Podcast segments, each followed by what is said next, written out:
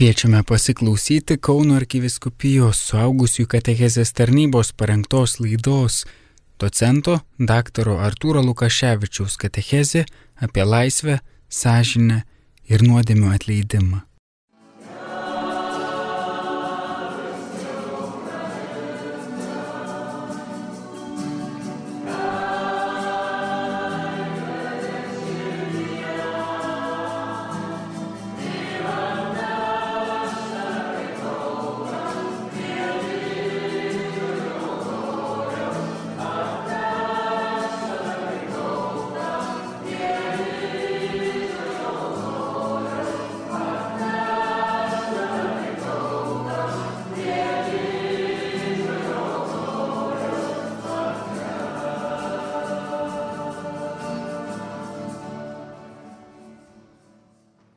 Šiandien mano tema yra pasirinkimo darimas, nuodėmė ir sąžinė sąskaita.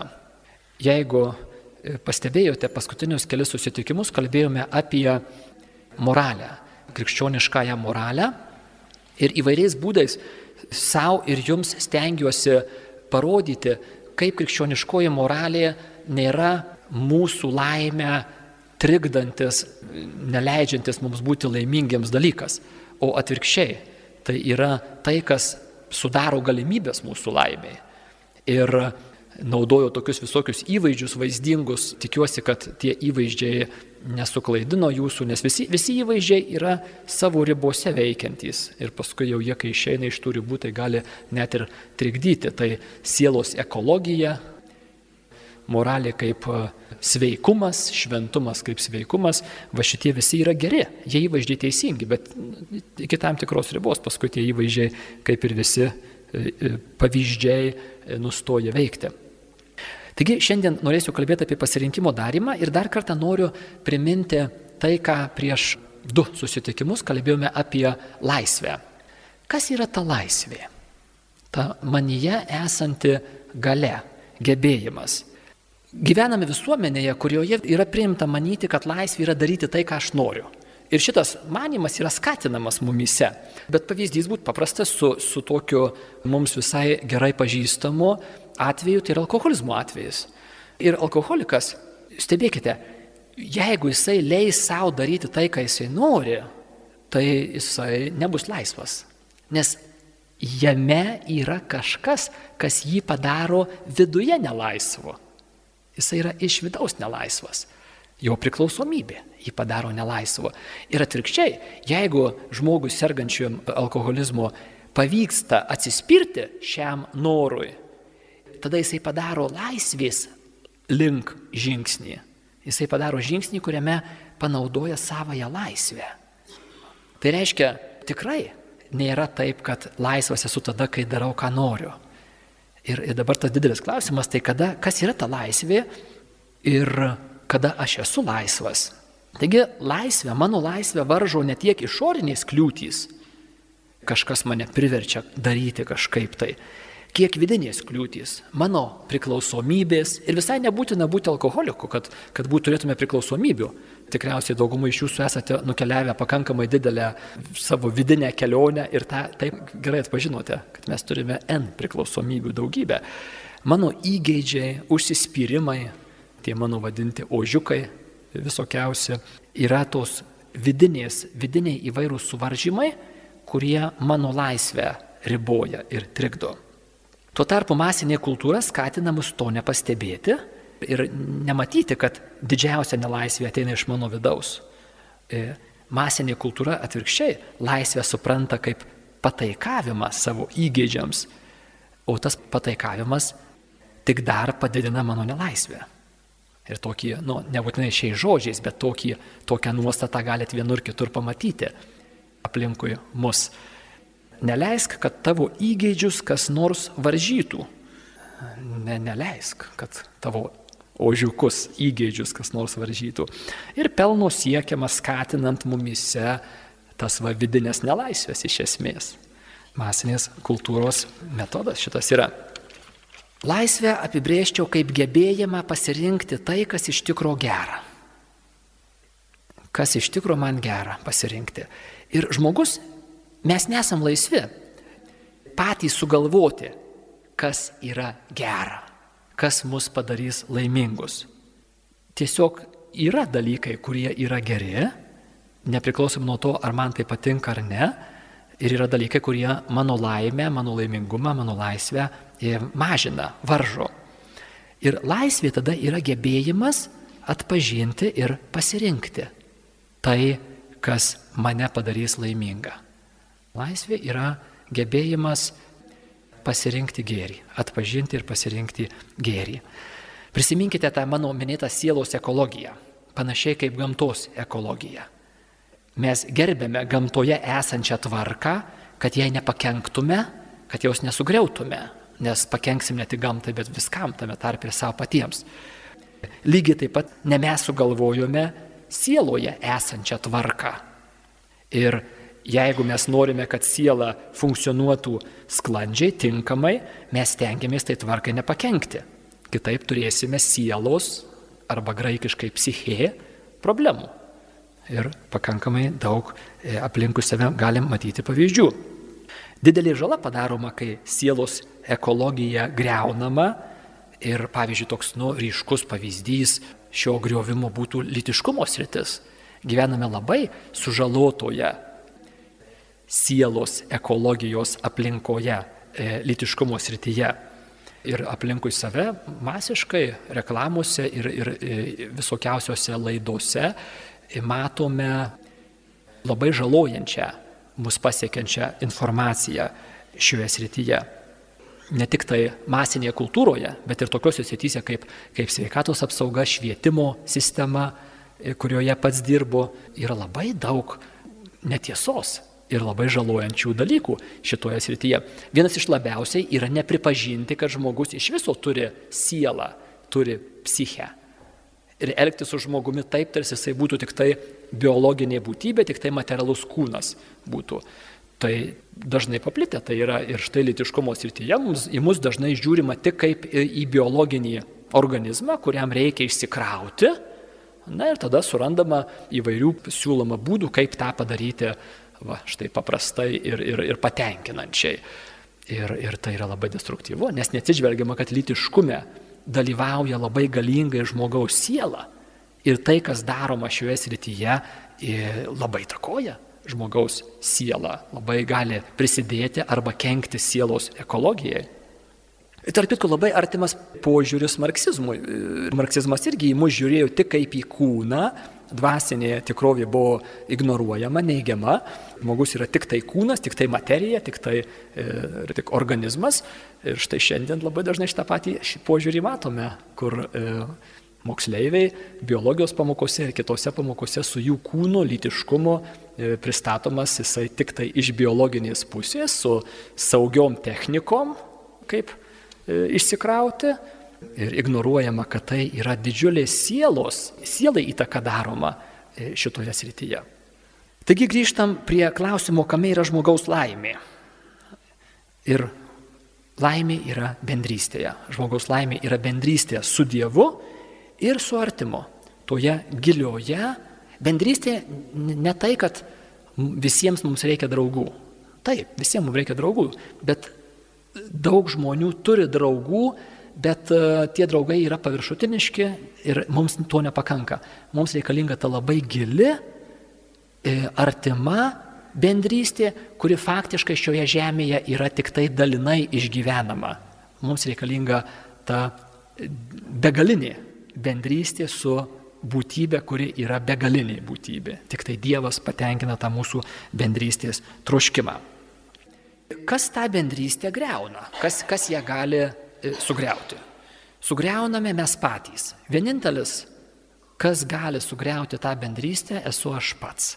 Kai savo viduje aš apsisprendžiu nepasitikėti Dievu. Ir tuo nepasitikėjimu aš nuo Dievo nusigrėžiu tas vidinis nepasitikėjimas, nusigrėžimas nuo Dievo išsireiškia išoriniais veiksmais, kuriuos mes vadiname nuodėme. Nuodėmė yra tas nepaklusimas Dievo meilės planui. Ir veiksmas, kuris yra nukreiptas prieš Dievo valią, prieš Dievo meilės planą ir yra nuodėmė. Ir mes visi esame nusidėliai. Mūsų nuodėmingumas yra labai giliai įsišaknyjęs mumise. Tas polinkis nusigręžti nuo Dievo ir save statyti į centrą yra mūsų pagrindinė bėda. Žmogaus, mano, kiekvieno žmogaus pagrindinė bėda. E, tai yra. Ir jeigu Dievas būtų mus palikęs šioje būklėje, mes iš jos patys įsikapstyti savo jėgomis e, negalime. Mes dėja tik tai dar labiau žaidžiame save ir kitus. Be Dievo pagalbos iš to išeiti neturime šansų. Bet geroji žinia yra tai, kad Dievas iš meilės mums nepalieka mūsų toje padėtyje, ateina mūsų gelbėti ir Jėzus, jo gyvenimas, veikla, mirtis prisikelimas yra tas išgelbėjimo momentas, Dievo įsikišimas į šito pasaulio eigą, per kurį radikaliai pakeičiama situacija ir mums atidaromas kelias į bendrystę su Dievu. Taigi pagrindinė kliūtis yra mano širdies nuostata išsireiškinti išoriniais veiksmais, nuodėmėmis. Tai yra kliūtis mano laimė. Kaip šitą kliūtį pašalinti? Faktiškai esminis gyvenimo klausimas yra, kaip pašalinti šitą kliūtį priimant Dievo atleidimą.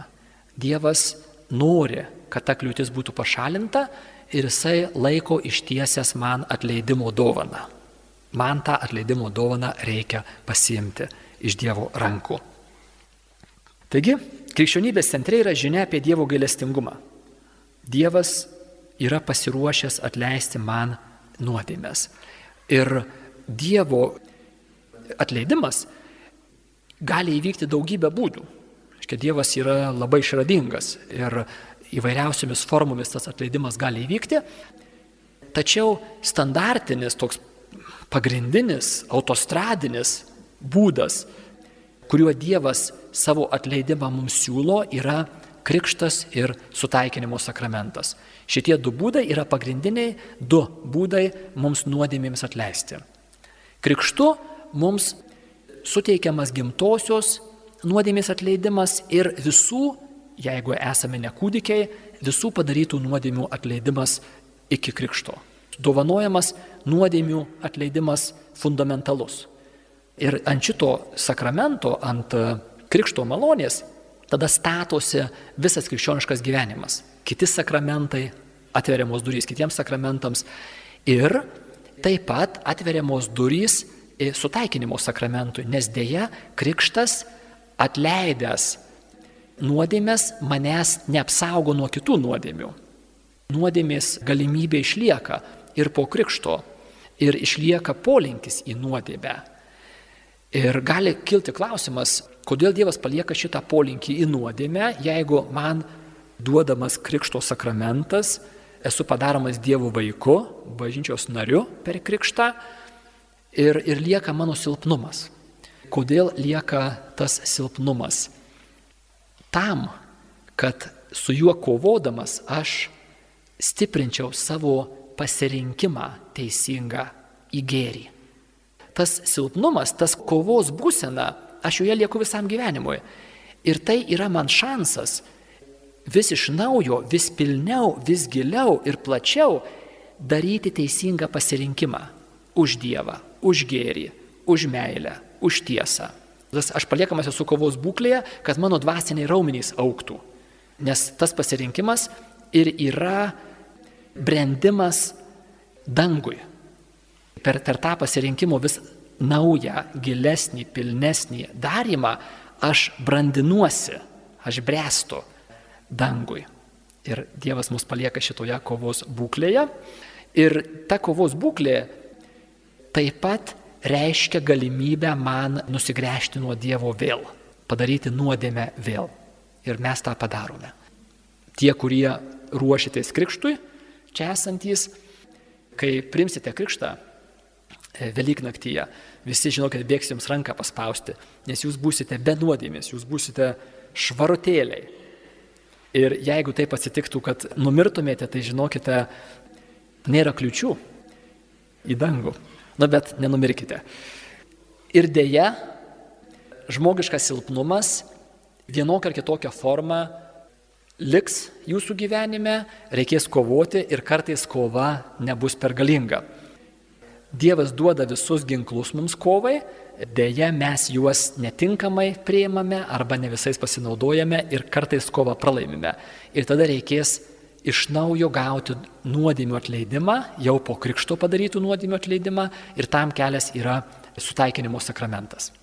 Tai dabar toliau norėsiu kalbėti su jumis apie nuodėmių atleidimo prieimimą.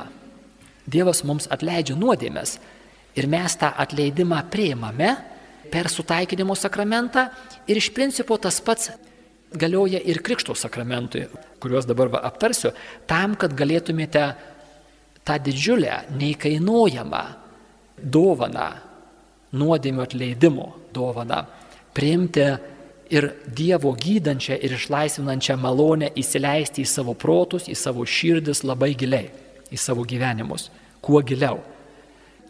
Tai reikalingas protų ir širdies atvėrimas parengiamasis darbas. Namų darbą reikia atlikti. Taigi, prisiminkime kokią nors patirtį. Visi turime patirtį, kur buvome susipykę su savo brangiu kokiu nors žmogumi, artimu, ir vėliau susitaikėme. Na, buvom susipykę ir buvom kalti. Kokius žingsnius reikia padaryti, kad susitaikytume? Pagalvokite keletą sekundžių. Susipykau, buvau kaltas ir dabar aš noriu susitaikyti ir ką reikia daryti, kad susitaikyčiau. Buvau kaltas, atsiprašyti, pripažinti savo kaltę.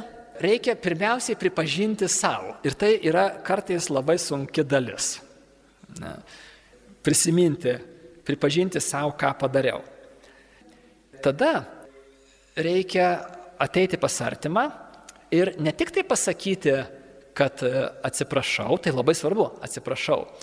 Bet esat pastebėję tokį dalyką, yra nelengva tą pasakyti, už ką atsiprašai. E, mano vaikai pastovi šitą, šitą tokį moną taiko. Ką nors padaro ir tada tėtis arba mama sako, štai reikia e, atsiprašyti, negražiai pasielgi. Ir jis sako, atsiprašau. O už ką atsiprašai? Nesako. Sako, tu žinai. Bet yra labai svarbu, aišku, aš žinau, aš žinau, bet, bet aš noriu, kad tu pasakytum. Tai va čia tas. O mes suaugusieji, kadangi mes jau nesam vaikai ir mes taip vaikiškai nesielgiam, tai mes žinot, kaip darom. Mes sakom, atsiprašau, jei kas buvo ne taip. Arba dar geriau, atsiprašau už viską. Tai čia yra toks, nu žinai. Ne. Yra, visa esmė yra pasakyti už ką. Nes tai ir yra tas tikrasis nuolankumas ir tikrasis kelias į susitaikymą. Pasakyti tiksliai, už ką atsiprašai. Nes tokiu būdu mes demaskuojame tą blogį, kurio autoriais tapome ir dabar aš tuo blogiu noriu atsisakyti. Tai tam, kad aš jo atsisakyčiau, reikia jį įvardinti. Blogis labai nenori būti įvardintas. Jis nori slėptis už visokiausių tokių, žinot, nu mes, mes nevagiam, bet kombinuojam, pavyzdžiui, ar, ar ten ir panašiai. Tikraisiais vardais nenori būti įvardintas blogis. Ir, ir tada reikia tam, kad atsiprašymas e, būtų tikras, reikia išreikšti gailestį. Nes jeigu aš atinu pas savo artimą žmogų ir sakau, nu gerai, aš va čia taip pasakiau negerai, bet iš tikrųjų tai tu mane išprovokavai. Nu, ar kitais žodžiais tą patį.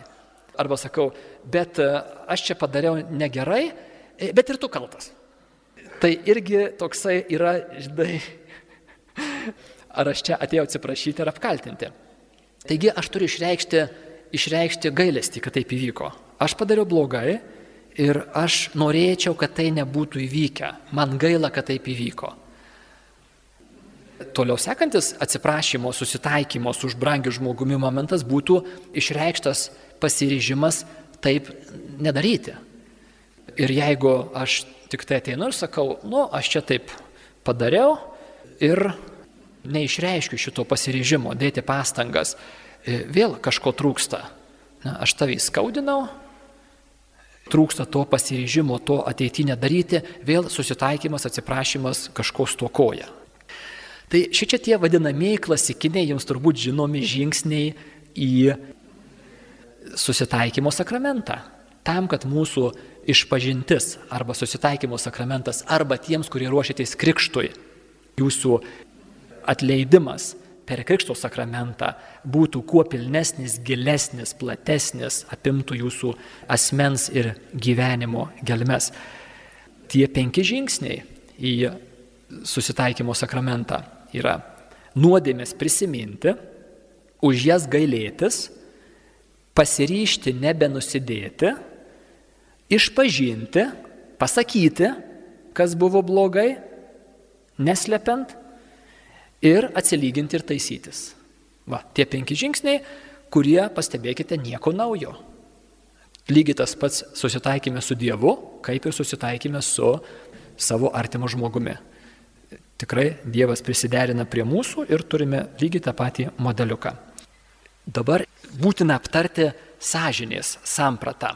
Kas yra sąžinė? Pradėsiu nuo keleto citatų iš katekizmo, katalikų bažnyčios katekizmo ir paskui e, bandysiu pailustruoti, paaiškinti toliau. Taigi, dvi labai gražios citatos, man atrodo. Savo sąžinės gelmėse žmogus atranda įstatymą, kurio nėra pats savo paskelbęs, bet kuriam privalo paklusti ir kurio balsas nuolat jį ragina mylėti ir daryti gerą, o vengti blogą. Tai žmogaus širdyje Dievo įrašytas įstatymas. Sažinė yra intimiausia ir slapčiausia vieta žmoguje, jo šventovė, kurioje jis lieka vienas su Dievu ir jo balsas aidi žmogaus širdyje. Štai ta sąžinė, kas jinai yra. Žmogaus viduje slypinti sąžinė reikimo momentu jam liepia daryti gerą ir vengti blogą. Klausydamas sąžinės, žmogus gali išgirsti kalbant Dievą. Sąžinė yra proto sprendimas, kuriuo žmogus suvokia konkretaus veiksmo dorinę vertę. Sąžinė yra tas balsas, Dievo balsas viduje, e, širdyje, kuris liepia konkrečioj vietoj, e, konkrečioj situacijoje pasirinkti gerą ir vengti blogą. Dabar palyginsiu sąžinę su e, tuo, ką mes anksčiau šnekėjome, su tikėjimo tiesų ir bendrai tikėjimo dalykų žinojimu. Štai mes visai nemažai, jau pusė metų, e, nagrinėjame įvairias tikėjimo tiesas, tikėjimo dalykus. Ir tikėjimo pačias tiesas apžvelgėme, moralę nagrinėjome, dekalogą nagrinėjome, daug įvairių dalykų nagrinėjome. Ir aš siūliau jums tokį įvaizdį. Tai yra žemėlapis. Tai yra gyvenimo kelionės žemėlapis. Kaip gyventi. Daug reikia žinoti tam, kad galėtum gyvenimo kelionė sėkmingai keliauti. Ir štai dabar tame nemažame kiekyje visų tiesų ir bendrai žinių, sąžinę aš palyginčiau su kompasu, kompasiukas. Nes vienas dalykas turėti žemėlapį, o kitas dalykas tam žemėlapį reikia susiorientuoti, kur yra tavo vieta, kuria kryptimi judėti. Kompasas bendras žemėlapio žinias pritaiko labai labai konkrečioje situacijoje. Pavyzdžiui, e, nagrinėjome dekalogą, dešimt dievų įsakymų ir jūs turite žinių apie vieną, kitą, trečią įsakymą. Tai būtų žemėlapis. O sąžiniai pasako, kurias žinias, kurią žinių dalį, kokiu būdu reikia pritaikyti konkrečioje situacijoje. Aiškiai, tas kompasas, kuris įgalina jūs tą bendrą žemėlapį panaudoti, pasinaudoti jo teikiamom gerybėmis, tuo, e, tom žiniom, duoti kryptį. Kitas palyginimas sąžinės būtų su pojūčiais. Mes esam kūnai, žmogus yra kūnas ir siela. Ir kaip kūnai mes turime daugybę pojūčių visokiausių, mes jaučiam savo kūną, e, tie, kurie turi negalavimus, kažkur tai e, sanariuose, ar stuburė, ar skrandyje, ar širdį jaučia tą savo organą, ar tuos organus tai maudžia, ar tai skauda, ar tai kažkaip tai, ar nejaučia nieko ir tai jau yra irgi geras jausmas, nieko nejausti, skausmo nejausti. Tai žiūrėkite, tie pojūčiai, ką jie daro? Jie atkreipia mūsų dėmesį. Ir tada ta, tas dėmesio atkreipimas man padeda padaryti teisingus sprendimus dėl savo kūno įvairių dalių, e, organų. Ir jeigu aš turiu tinkamą žinias, aš galiu padaryti teisingus sprendimus ir išvengti bėdų kokiu nors. Pavyzdžiui, aš jaučiu, kad man jau ma maudžia širdį arba skrandį arba kažką tai ir tai man yra ženklas, kad aš turiu kažką tai padaryti. Pavyzdžiui, ta, išgerti vaistų ar, ar atsipalaiduoti. Ar, ar reiškia, gal net greitai kviestis greitai ir išvažiuoti man reikia. Tai tie va pojūčiai yra e, indikatoriai, ženklai, ką man daryti šitoje konkrečioje situacijoje. Tai panašiai yra su sąžinė. Sąžinė yra tas konkretus ženklas, indikatorius, kad štai to situacijoje daryk va taip. Ir tada reikia turėti bendrą sampratą, bendrą žemėlapį, kad, kad galėčiau tinkamai sureaguoti. Nes jeigu žmogus, sakykime, kokią nors įsivaizduokite situaciją, aš net nežinau geros, bet, nu, kokią nors, pažiūrėjau, jam pradeda specifiškai skaudėti širdį ir jeigu jisai neturi žinių, kad, ei, brolytė, prie šito skausmo, žinok, reikia mikliai kviestis greitąją, o jis to nedaro. Ir žiūrėk, infarktas, kaip ten sako, pravaikščiotas būna. Va, tai jis neturėjo žinių. Jam, jam indikatorius buvo, bet žinių trūksta ir jisai tinkamai nesureagavo ir bėdų prisidarė. Taigi sąžinė yra tas vidinis sielos, šiuo atveju ne kūno, o sielos sveikatos saugotojas. Tas pagrindinis įrankis, Dievo duotas, saugoti sielos, psichė, psichės sveikatą, teisingą būvį.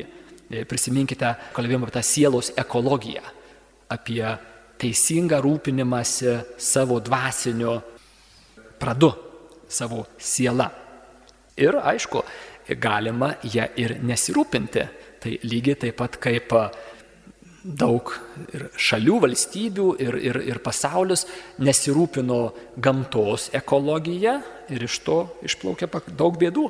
Tai panaši situacija gali būti ir dažnai labai įvyksta su nesirūpinimu su sielos ekologija. Teisingoje sąžinėje žmogus girdi jo širdyje įrašytą prigimtinį įstatymą. Prisimenate, kai kalbėjom apie dekalogą, e, kalbėjau apie tą prigimtinį įstatymą, kuris įrašytas kiekvieno žmogaus širdyje. Ir sąžinė yra tas garsekalbis, tas ruporas, per kurį tas prigimtinės įstatymas e, yra girdimas. Ir per tą prigimtinį įstatymą kalba Dievas, tai yra Dievo Dievo balsas žmogaus širdyje. E, prigimtinis įstatymas Senajame testamente buvo apreikštas dekalogu, per dekalogą. Mozei e, prie Sinaus kalno maždaug prieš 3300 metų, taip grubiai, Dievas apreiškė dekalogo įstatymą ir prisimenate, kodėl, kodėl e, dekalogas yra apreiškiamas, nors jis jau įrašytas prigimtyje dėl nuodėmės Dėl nuodėmė žmogaus vidinis e, susigaudimas, vidinė, vidinis išvalgumas yra aptemęs, apsnūdęs ir jisai neaiškiai, nemato aiškiai, nesupranta tiksliai, negirdi. Ir štai tai, kas yra jau įrašyta, Dievas dar kartą apreiškia, tarsi iš viršaus, tam, kad mes galėtume žinoti su visišku tikrumu. Nes savo viduje mes dėl nuodėmingumo prarandame gebėjimą girdėti prigimtinio įstatymo reikalavimus.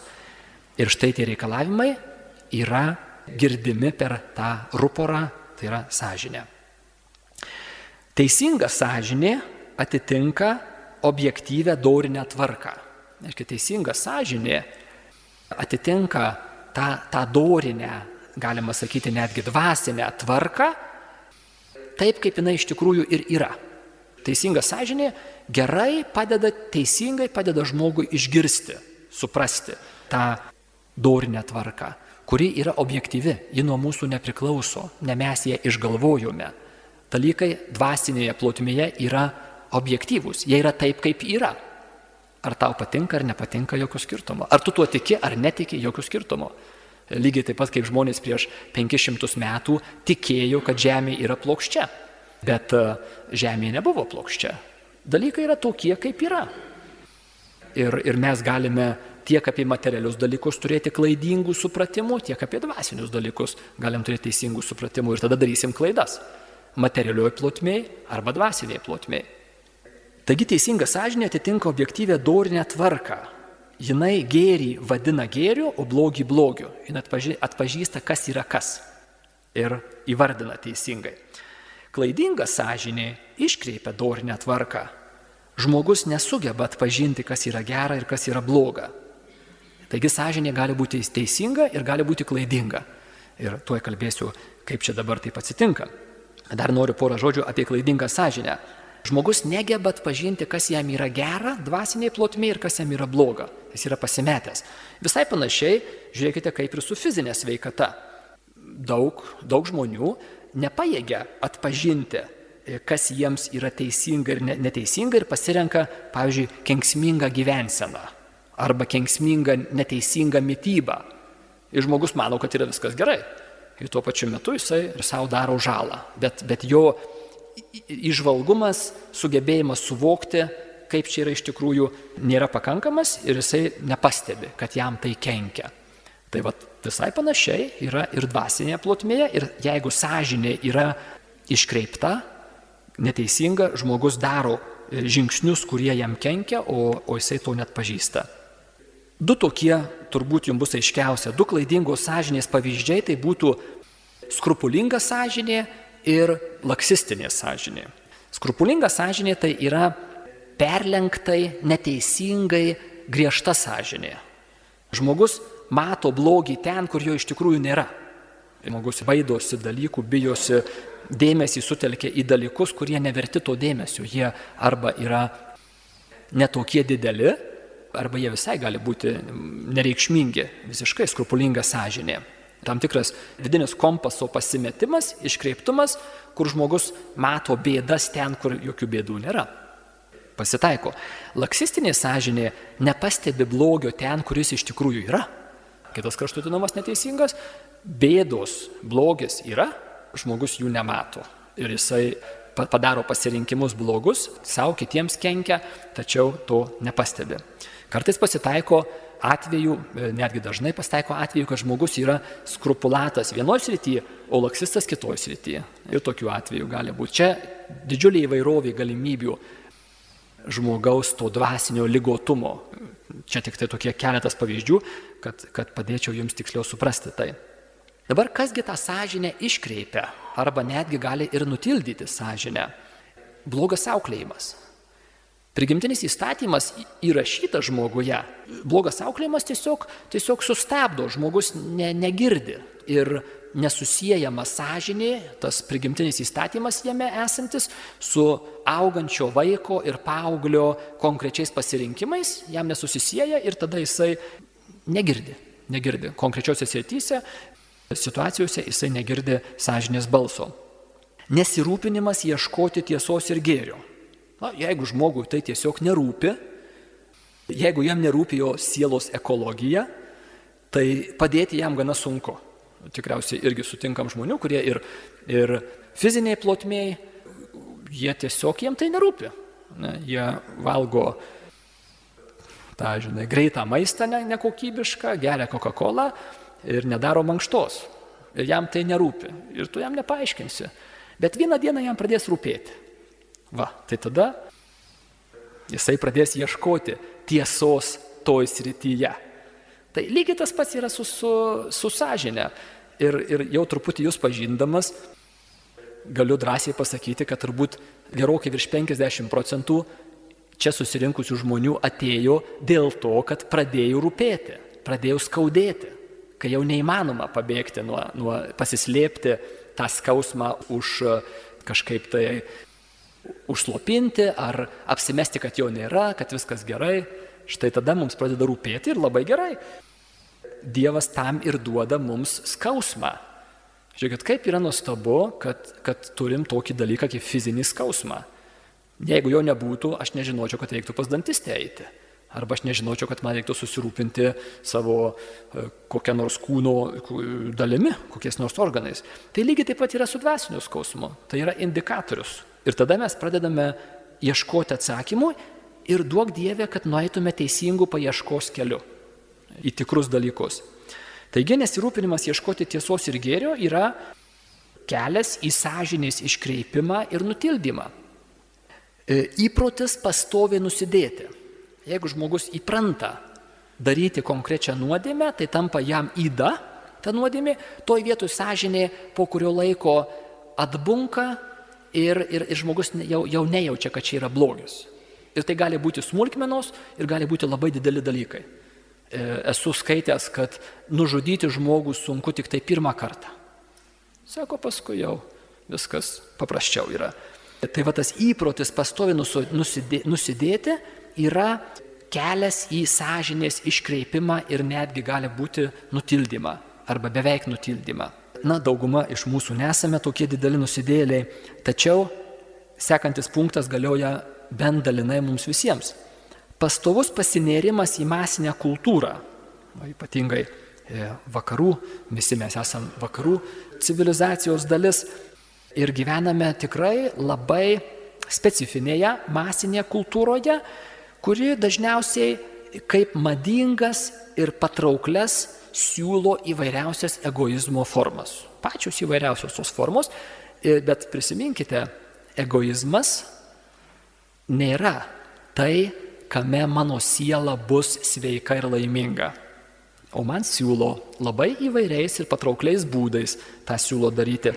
Ir jeigu aš nepadarau samoningo žingsnio išeiti iš masinės kultūros ir panardinti save kituose šaltiniuose, gėryje, grožyje ir tiesoje.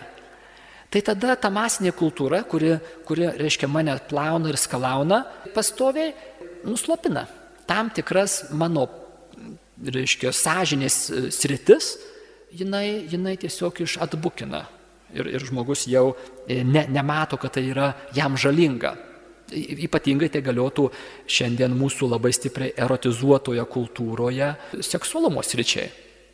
Bet prisiminkite tą bandymą su varle, kurio daryti nereikėtų. Atsimant, reiškia, jeigu varlę e, įmestume į šalto vandens kibirą ir pastatytume ant ugnies, jinai išlėto, išlėto, išlėto šiltų vanduo ir jinai išvirtų, mirtų. Tai čia yra su mūsų sąžinėm taip daroma. Bet jeigu varlę įmeta į verdantį vandenį šok, nes jinai, reiškia, e, jaučia, kad tai jai yra pražutinga E, tai pasinerimas į masinę kultūrą yra labai, labai kenksmingas dalykas. Kartai žmonės sako, nu aš šiaip televizijoje žiūriu viską, bet aš atsirenku, kas yra gera ir kas yra netinkama. Tai čia yra nu, toks pats e, jokingiausias manimas, kad mes esam pajėgus kritiškai įvertinti ir atsirinkti, kas yra gera ir kas yra bloga. Turbūt daviau jums vieną pavyzdį, bet prieš pusmetį daviau, tai pakartosiu.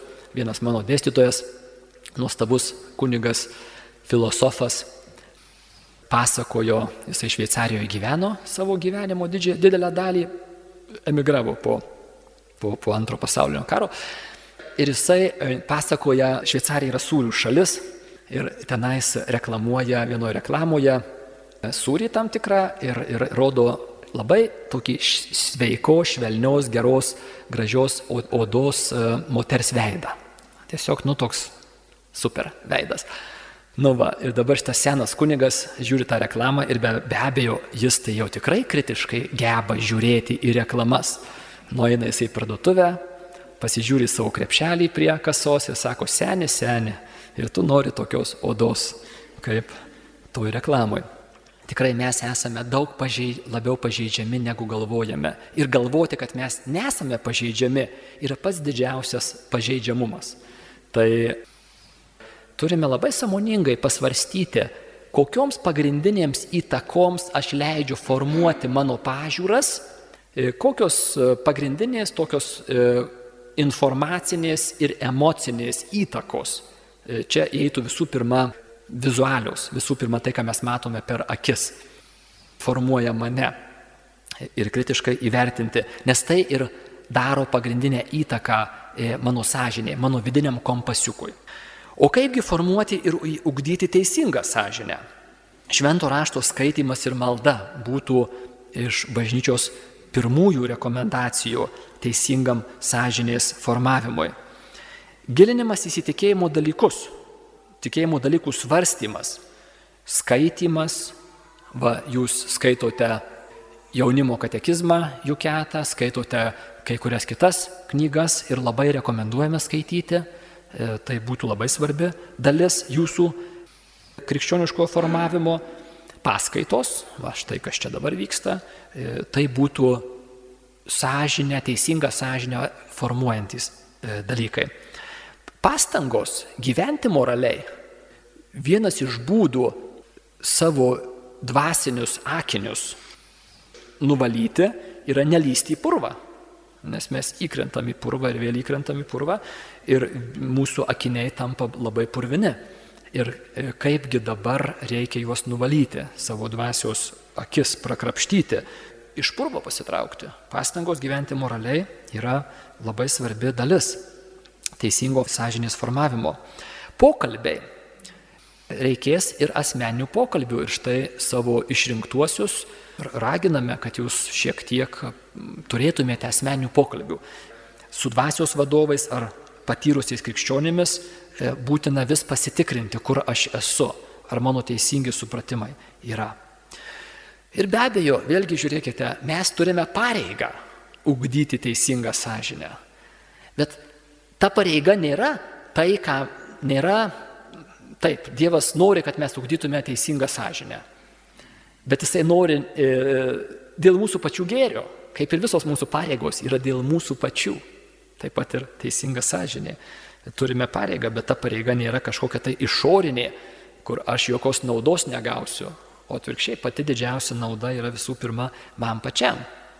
Ar aš noriu turėti teisingą vidinį kompasą, kad savo sielos kelionę kelionėje daryčiau teisingus pasirinkimus, savo sielos ekologijoje sugebėčiau atskirti, kas yra gera ir kas yra bloga.